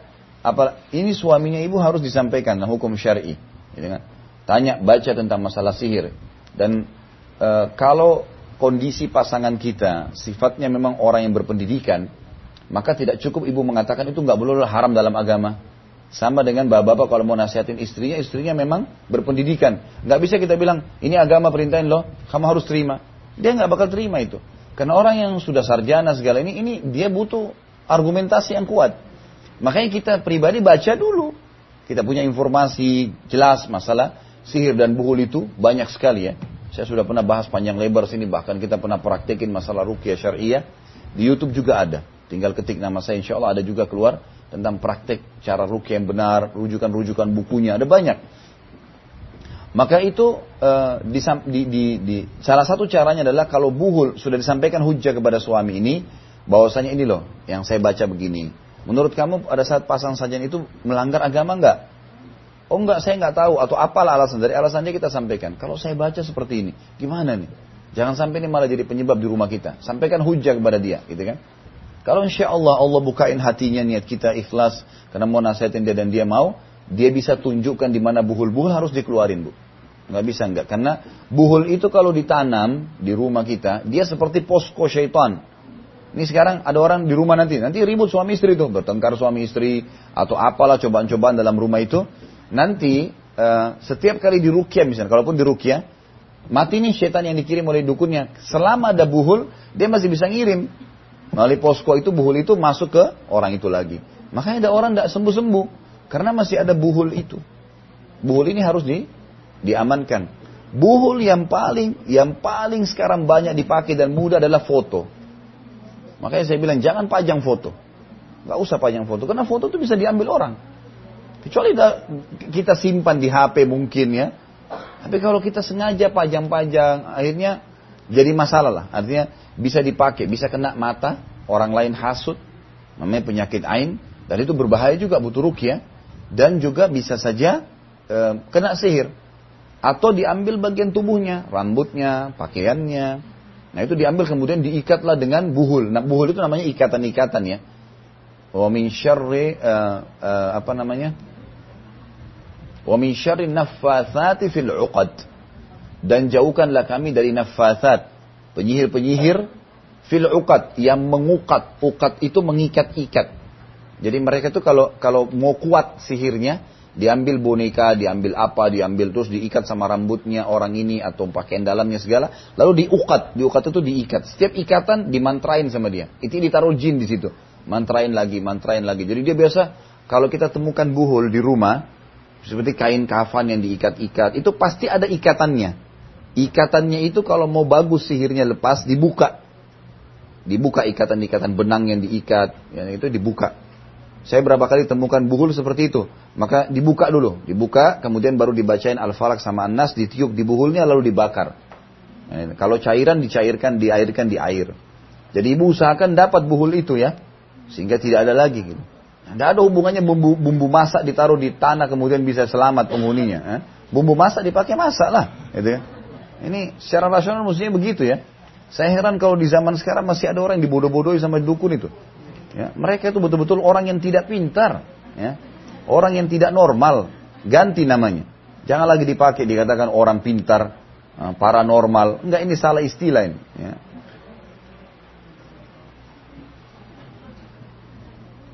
Apabila kita tidur kemudian merasakan dingin hingga kerenung hati, maksudnya dingin sekali. Benarkah kita lagi dipeluk oleh arwah orang tua kita? Sudah pakai selimut yang tebal Ustaz, bed cover, tapi tetap dingin. Tidak ada hubungannya. Tidak ada. Arwah, ruh, ruh dalam Islam tidak akan kembali ke dunia, titik, selesai. Gak mungkin sudah. Mereka berada di alam barzah. Di alam lain. Mustahil bisa kembali. Banyak dalilnya. Di antaranya hadis Bukhari. Tentang syuhada badr. Orang-orang jelas mati syahid. Sahabat-sahabat Nabi yang mulia. Mati syahid di badr. Waktu disusun jenazahnya. Mau dikubur oleh Nabi SAW. Kata Nabi. Teman-teman kalian ini sekarang. Ruh mereka sedang bertemu dengan Allah. Dan mereka berkata, Ya Allah, kembalikan kami ke dunia. Karena kami ingin ikut perang lagi, terbunuh lagi. Karena besarnya pahalanya gitu. Jadi bukan kembali aktivitas istri anaknya kerja, bukan. Kembali ma perang, mati lagi. Begitu terus karena besarnya pahala. Kata Nabi SAW, tapi Allah menjawab, sudah menjadi hukumku, tidak ada lagi ruh yang akan kembali. Ini jelas dalilnya. Nggak ada ruh lagi akan kembali ke dunia. Sudah nggak mungkin kembali lagi. Sudah selesai urusannya dunia itu, kalau dia sudah mati gitu kan. Lalu mereka berkata, kalau begitu ya Allah sampaikan berita gembira kepada saudara-saudara kami yang belum menyusul kami, ya, belum mati syahid agar mereka menyusul mati syahid, nggak masalah. Janji Allah benar seperti itulah. Maka turun firman Allah Subhanahu wa taala, "A'udzu billahi minasyaitonir rajim, wa la tahsabanna alladziina qutilu fi sabilillahi amwata, bal ahya'un rabbihim yurzakun." Jangan kalian mengira orang-orang yang mati terbunuh jalan Allah mereka mati tapi mereka hidup di sisi Tuhan mereka dan diberikan rezeki. Farihina bima atahumullah min fadli mereka sangat gembira dengan apa yang Allah berikan kepada mereka. Wa yastabshiruna billadina lam yalhaqu bihim Allah khaufun alaihim walahum yahzanun. Dan mereka mengirim berita gembira kepada saudara-saudara mereka yang belum menyusul, orang-orang beriman. Mati aja, nggak masalah di jalan Allah itu. Tidak perlu kalian takut, nggak perlu kalian sedih. Jadi ini dalil yang sangat jelas dalam hadis sahih, nggak ada ruh itu kembali. Dalil yang lain teman-teman sekalian, tidak pernah ada satu riwayat pun, coba baca deh, cari. Sekarang Alhamdulillah kita bisa ketik di Google apa saja. Kita bisa beli buku apa saja. Bahkan sudah luar biasa mudahnya orang nuntut ilmu sekarang. Ada nggak riwayat pernah istri-istri Nabi mengatakan baru tadi malam ruhnya Nabi datang kepada kami. Hah? Aisyah radhiyallahu anha itu di rumahnya Nabi dikubur. Artinya kuburan Nabi ada di situ. Nggak pernah Aisyah mengatakan Rasulullah tadi malam kunjungin saya. Nggak pernah. Nggak pernah ada ini ya. Gak pernah Ummu Salamah, Sofia, istri-istri Nabi. Orang yang paling layak Nabi kunjungin. Benar nggak? Tidak pernah dinukil sahabat. Ada Abu Bakar mengatakan sahabat dekatnya. Bahwasanya Rasulullah semalam ketemu saya. Rasulullah suruh saya begini. Nggak ada. Ada sahabat yang mimpi Rasulullah SAW. Iya mimpi. Tapi bukan ketemu. Bukan ruhnya datang. Bagaimana kalau para istri Nabi, para sahabat tidak? Bagaimana ada orang hidup di zaman sekarang ngaku itu? Saya baru kedatangan ruhnya Nabi. Saya baru ketemu dengan Nabi. Subhanallah ini. Ya. Dia menipu dirinya, dia menipu orang. Ke mana caranya? Nggak boleh ini saudaraku yang bertakwa sama Allah. Nggak ada ruh kembali lagi. Kalau ruhnya Nabi aja nggak kembali, apakah ruh kita? Ada hadis yang sahih tentang hari Jumat. Kata Nabi SAW, hari Jumat adalah hari yang terbaik sepanjang penciptaan, sepanjang hidupnya alam semesta ini. Sepanjang penciptaan langit dan bumi. Dan oleh karena itu perbanyaklah salawat untukku. Sallallahu alaihi wasallam pada hari Jumat kayak hari kita sekarang ini ya. Karena salawat kalian untukku dihantarkan kepadaku. Bukan Nabi datang, dibawa untuk Nabi SAW ke alam barzah sana. Ini perlu digarisbawahi teman-teman sekalian. Jadi tidak ada ruh kembali. Ruh orang mukmin saja tidak ada, apalagi ruh orang kafir. Apalagi ruh orang kafir. Gitu kan? Jadi nggak mungkin. Orang tua kita nggak mungkin kembali lagi. Keyakinan itu salah sekali. Kalau ada orang meninggal 40 hari ruhnya masih di atas rumah. Nggak ada hubungannya. Dia dalam wahyu disampaikan di alam barzah. Nggak ada hubungannya sama sekali dengan rumahnya lagi. Sudah nggak mungkin kembali. Dan kalau mungkin kembali, pasti dinukil kepada kita lah.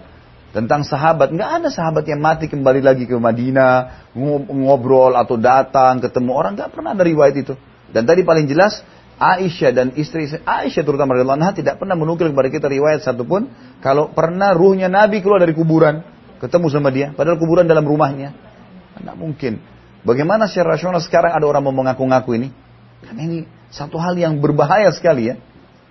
Jadi itu tidak benar semuanya. Tidak ada ruh kembali lagi. Beriman atau kafir. Tidak mungkin, gitu kan. Dalam hadis yang lain banyak dalil ya. Kata Nabi SAW, tidak ada seseorang yang meninggal dunia mukmin atau kafir. Kafir pun sama. Yang masih berharap kembali ke dunia. Orang kafir pun pada saat mereka mati, mereka sudah tidak mau ke dunia ini. Jadi salah kalau orang jenazahnya ditaruh di rumah lama-lama. Enggak, mereka Jangan bawa perasaan kita. Kata Nabi, mereka sendiri sudah tidak mau dengan dunia ini. Kecuali orang yang mati syahid, karena dia ingin mati, belahir, hidup kembali, ikut perang, dibunuh, mati. Begitu terus. Karena besarnya pahala yang Allah janjikan. Jadi banyak sekali dalil yang berhubungan dengan masalah ini. Jadi tidak ada itu. Kalau kita merasa dingin, saran saya pertama, coba ke dokter. Lo betul ya? Cek di dokter, ada penyakit apa ini? Kalau dokter tidak menindikasi, tidak ada, dokter mengatakan saya tidak tahu ya, tidak ada, maka rukyah. Ini bisa dari syaitan. Bisa dari syaitan. Allah alam, ini yang saya tahu.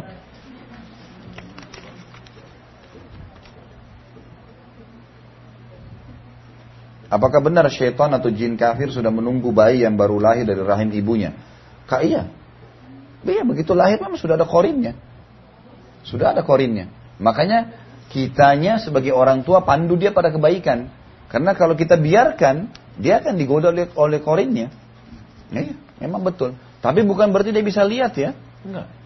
Dia nggak lihat. Kalau ada anak-anak biasa mengatakan takut atau lihat, coba kita lihat dulu. Kita selalu diagnosanya itu kepada hal sebelum ke jin alam syaitan ini, kita diagnosa alam manusia dulu. Seperti misalnya kalau anaknya bapak ibu datang tiba-tiba mengatakan takut takut saya lihat itu lihat ini, maka lihat dulu ini anak tontonannya apa, dia pernah dengar apa. Ini diagnosa alam manusia dulu, tidak usah langsung ke jin. Ini berarti lihat setan anak saya, enggak. Belum tentu, gitu kan? Belum tentu. Coba lihat karena bisa tontonan yang paling berpengaruh sekarang. Ya, dia, dia nonton berantem, dia langsung mau berantem, gitu kan? Yang pernah saya bilang, ini anak-anak sudah harus dijauhkan dari Tom and Jerry lah, cerita Batman, Spiderman, semua khurafat ini, bohong semua. Tom and Jerry berantem, gitu kan, pukul-pukulan. Saya waktu kecil juga pernah nonton, gitu kan. Saya nggak nggak jelas bagi saya itu. Waktu saya sudah belajar agama, saya sekarang larang anak-anak saya nggak boleh. Karena memang isinya dari awal sampai akhir kan pukul-pukulan. Coba kalau lima menit kita biarin anak kita dua orang, mati habis itu dia berantem pasti. Batman, Spiderman, semua khurafat, tokoh dongeng nggak ada. Tapi dia mengkhayal ada manusia begitu bisa terbang, bisa loncat, bisa segala macam. Ini kan semua tidak benar. Ya. Jadi ini harus dihilangkan semua karena bisa berbahaya, bisa membuat apa namanya anak-anak nanti berpikir ke situ. Nah, kalau diagnosa manusia tidak ada, maksudnya memang anak ini saya tidak pernah buat tonton seperti itu dan seterusnya, dan dia mengatakan berarti ada indikasi diganggu oleh syaitan, bisa terjadi. Rukyah syariah saja. Saya kemarin bertemu dengan salah satu pakar e, rukyah yang Allah alam yang saya tahu beliau ini sudah sangat senior ya. Itu Dr. Ali. E, beliau salah satu dosen guru besar di Universitas Madinah.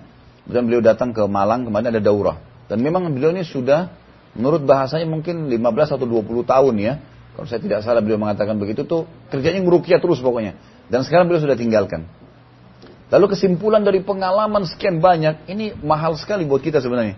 Saya pun uh, pada saat terjun ke alam alam rukia ini belum lama dibanding sama Syekh Ali luar biasa. Beliau jauh lebih tua dari saya, lebih pengalaman, ilmunya lebih dalam, luar biasa dalam masalah ilmu akidah dan seterusnya.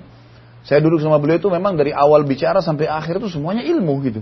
Enak sekali kalau ngobrol sama orang beliau karena semuanya padat. Kembali ke buku ini Khalid, kembali ke ini, ikut ini, referensinya ini, ada dalil seperti ini.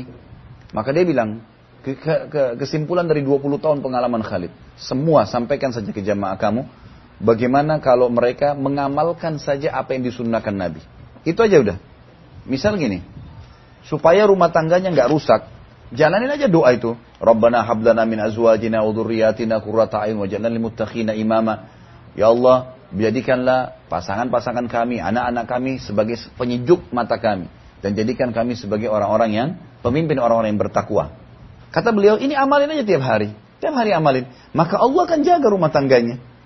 Dan syaitan tidak bisa melawan doa-doa itu. Tidak ada yang mengalahkan doa yang diajarkan oleh Allah dan Rasulnya. Mustahil. Dan ini kesimpulan pengalaman yang saya sendiri, iya ya. Kenapa saya nggak melakukan gitu? Kenapa nggak tiap hari diamalkan doa ini? Kenapa nggak tiap hari kita mengamalkan doa-doa yang memang kita minta kayak Rabbana atina fid dunya hasanah. Tiap hari, tiap saat dibaca, gitu kan? Maka itu Allah akan jaga. Nanti kalau doa kita mau sampaikan dengan hajat kita boleh-boleh saja, tapi ini adalah doa yang luar biasa. Kemudian beliau bilang, ajarkan kepada anak-anak dan jangan tidak diajarkan, sampaikan ada sihir loh, ada syaitan loh. Bukan untuk nakut-nakuti, justru untuk memberitahukan ini keburukan. Gampang lawannya. Dia bilang kepada saya, Khalid, saya ajarkan kepada anak-anak saya, dia bilang istri saya, Kalau ada sesuatu yang dia rasa nggak enak, beliau bilang dia nggak enak, misal dia rasa kayak ketakutan sendiri, merinding, baca isti'adzah. A'udzubillahi rajim. Baca takbir Allahu Akbar gitu. Dia bilang sampai dia ajarkan anaknya dia bilang, pernah anak perempuan saya karena dia perukia, biasanya perukia itu diganggu juga oleh dukunnya. Dukunnya ini menganggap ini saingannya gitu. Maka dia juga berusaha menyir. Nah kata dokter Ali, mungkin saya tidak terkena, tapi istri anak saya bisa terganggu nih. Ya. Maka yang terjadi, dia bilang saya ajarin mereka caranya. Kalau mereka rasa takut sedikit, mereka baca isti'adzah. Kalau dia rasa nggak enak di sekitarnya, dia pukul ke arah itu. Sambil mengatakan. Maka itu akan hilang.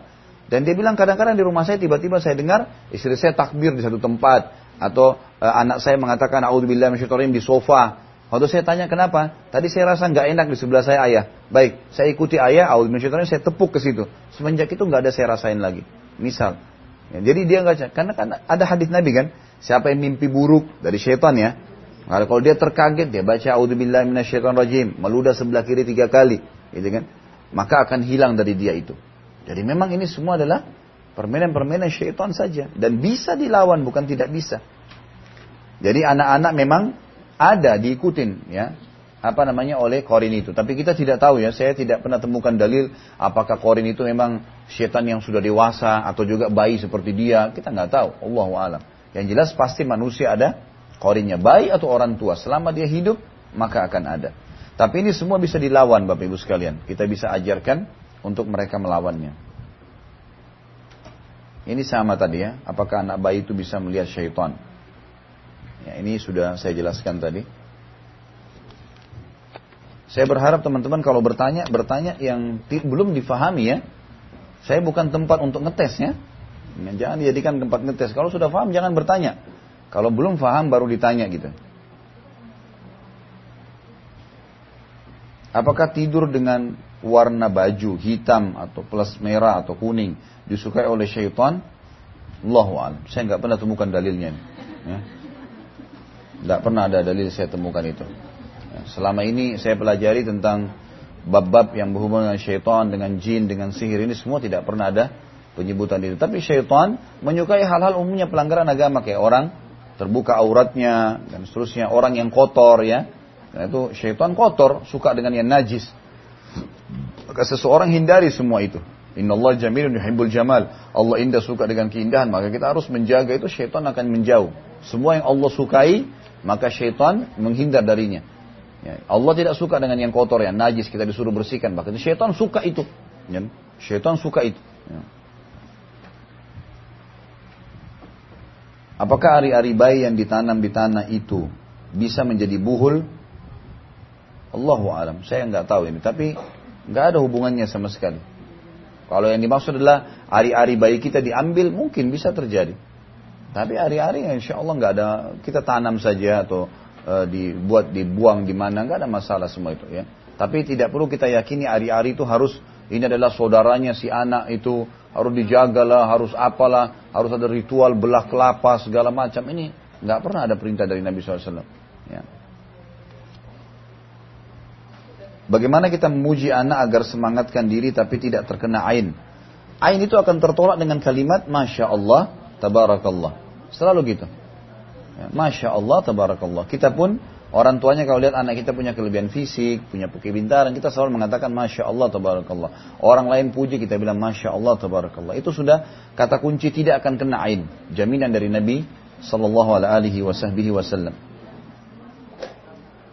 Sebelum tidur, apakah ada dalil menepuk tempat tidur dan membaca surah Al-Fatihah, Al-Ikhlas, Al-Falaq, dan An-Nas? Kalau kalau menebah menebah tempat tidur selimut ada sunnahnya. Nabi SAW menyuruh kita menebah itu ada. Dikhawatirkan nanti dalam selimut itu ada hewan, nyelit dan seterusnya. Ini ditebah ya. Tapi kalau menepuk-nepuk itu saya tidak pernah temukan dalil. Saya pribadi, mungkin keterbatasan ilmu ya. Tapi kalau teman-teman dapat dalilnya ada ya, lakukan saja, gitu kan. Yang saya tahu cuman di tebah apa namanya di di di apa namanya di ditebak digoyangin ya. Ya, uh, itu yang saya tahu Allah alam. Kalau baca Al-Fatihah, Al-Falaq, An-Nas, Al-Ikhlas ini Sunnahnya baca pada saat kita sudah di atas bantal, di ranjang. Itu yang Nabi SAW lakukan. Kata Aisyah dalam hadis Bukhari, Nabi SAW setiap kali mau tidur membaca Al-Ikhlas tiga kali, Al-Falaq tiga kali, An-Nas tiga kali, kemudian meniup ke telapak tangan beliau dan mengusap seluruh kepalanya. Itu yang ada, eh, seluruh tubuhnya, maaf. Itu yang ada, Allah alam. Tapi kalau kita sambil menepuk eh, tempat tidur kemudian membaca ini, saya belum pernah temukan dalilnya. Saya pernah keguguran sekitar tiga bulan. Eh, kata orang janinnya harus dikubur. Tapi karena saya belum sadar betul habis pembiusan, jadi saya tidak menguburnya. Sekitar satu bulan kemudian ada seorang nenek, rumahnya jauh dari kami. Beliau telepon ke tetangga kami yang dia kenal. Beliau tanya ke tetangga kami, apa kenal dengan yang namanya Fulan dan Fulana? Tetangga saya mengatakan kenal. Dan endingnya beliau bilang kalau beliau bertemu dengan tanda kutip calon anak saya yang guguran itu. Ya, kalau dia bertemu dengan calon anak saya tadi. Anehnya saya atau suami tidak kenal sama sekali dengan nenek itu. Tapi dia bilang ke kami kalau anak itu tanda kutip main ke rumahnya dan beliau cerita semuanya dan apa yang diceritakan kepada kami memang benar apa anak ini syaitan atau jin yang menyerupai atau apa ya Ustaz. Ini tidak benar semuanya. Tidak benar dan kalau kalau dari penyampaian ini ada indikasi orang itu adalah dukun. Ya. Ini semua permainan syaitan. Jadi nggak ada hubungannya sama sekali. Ya. Kalau masalah apa yang dia sebutkan benar itu syaitan bisa mencuri informasi. Jadi nggak ada hubungannya sama sekali gitu. Tentu ini memang lebih baik dikubur ya. Memang lebih baik dikubur. Apalagi kalau sudah mencapai ada ruhnya. Kalau sudah empat bulan itu memang dikubur. Kalaupun dia terpotong-potong, misalnya ada yang tidak sempat jadi, tetap juga sama. Lebih baik dikubur. Kalau tidak sempat, memang tidak tahu hukumnya, insya Allah Allah maafkan. Tinggal taubat kepada Allah selesai. Tapi itu tidak akan pernah ada hubungannya dengan orang ini. Ya, indikasinya dukun begini memang. Ngirim informasi, kesannya tahu. Kita begitu masuk, kamu pasti punya masalah rumah tangga ya. Dari mana dia bisa tahu? Di depan rumahnya dia pasang banyak setan-setan tuh. Nanti setan ini kerjasama sama korinnya orang itu. Ditanya korinnya, ini orang gimana nih? Mereka konspirasi lah itu. Oh iya ini orangnya begini, begini, cari informasi. Lalu dia masuk ke dalam, disampaikanlah berita, lalu kemudian terjadilah konspirasi untuk menipu orang ini. Gitu kan? Kalau saya uh, harus bayar sekian lah, harus apalah segala macam. Sebagaimana sudah kita tahu, cara-cara orang-orang yang tidak benar ini menyesatkan manusia dari jalan Allah. Bagaimana cara menasehati eh, apa ini? Ibu Ana untuk sesuatu yang najis. Seperti Ibu Ana sudah berumur 60 lebih dan ketika dia bangun hendak ke kamar mandi lalu menetes ke lantai, namun dia langsung mengepel namun baunya masih tersisa. Apakah najis itu sudah hilang atau belum? Kalau najis itu masih ada baunya berarti masih ada. Selama bau masih ada, maka berarti masih ada. Baik itu fisiknya ada atau baunya. Nah ini memang jadi tolok ukur dalam hukum najis dalam agama kita gitu kan. Jadi kalau masih ada bau misalnya sofa dikencingi oleh kucing, kita duduk kita masih cium memang itu berarti masih ada najisnya. Tapi nggak boleh kalau kita duduk walaupun kita lihat sudah kering, berarti itu bisa najis ke pakaian kita. Termasuk dengan masalah ini. Baik bagaimana menghadapi orang tua memang itu itu itu harus ekstra hati-hati. Ekstra hati-hati memang artinya kalau dia keluar najisnya kita sampaikan, ingatkan beliau supaya beliau mau uh, bersuci lagi gitu kan Beda kalau itu sudah tidak bisa dikontrol ya. Seperti ada orang, eh, saya pernah kunjungin salah satu teman ayah saya, dia sudah berumur, sudah meninggal, Allah yarham. Eh, pada saat itu saya datang ke rumahnya, memang dia diketeter, kemudian memang nggak bisa, dia nggak bisa kontrol lagi kencingnya. Pokoknya kencing itu selalu keluar tiba-tiba. Memang nggak bisa lagi dikontrol, orangnya sudah sangat lemah, berada di atas tempat tidur gitu. Nah ini bagaimana hukumnya pada saat dia mau sholat, sementara dia masih sadar, maka fatwa ulama mengatakan ini beda. Keadaannya darurat. Dia wudhu, kemudian dia sholat. Kalau lagi sholat dia keluar, dia nggak bisa buat, mau buat apa sekarang? Nggak mungkin dia tinggalin sholat. Yang penting dia sudah berwudhu dan dia sudah berusaha kontrol. Beda kalau dia sengaja melakukannya. Karena unsur tidak sengaja atau tidak disadari ini berbeda dalam agama kita. Masih ada celah dibolehkan. Allahu a'lam bissawab. Baiklah, mungkin begitu dulu. Kita insya Allah uh, apa namanya tutupkan cukup sampai sini karena hari Jumat dan kita memohon kepada Allah Subhanahu wa taala semoga saja uh, apa pun yang sudah kita kerjakan di masa lalu itu diampuni oleh Allah Subhanahu wa taala dan apa yang akan kita kerjakan nanti juga maaf apa yang pernah kita kerjakan dari kebaikan-kebaikan diterima olehnya dan apa yang pernah kita kerjakan dari kesalahan dimaafkan. Dan juga di masa depan apa pun yang akan kita kerjakan dari kebaikan semoga Allah SWT terima. Dan kalau ada kesalahan juga dimaafkan olehnya. Dan kita selalu mendoakan saudara kita di Palestina, di Syria, di Yaman, di Irak, di Myanmar, di Ahsa, di mana pun mereka berada. Semoga Allah ikhlaskan niat mereka terima para syuhada mereka muliakan Islam di tangan mereka dan tangan kita semua. Dan semoga Allah dengan kemahamurahannya menyatukan kita semua bersama mereka di surga Firdaus tanpa hisab kalau ada benar dari Allah, kalau ada salah dari saya mohon dimaafkan. Subhanakallahumma wa bihamdika asyhadu an la ilaha illallah astaghfirullah wa atubu ilaih. Wassalamualaikum warahmatullahi wabarakatuh.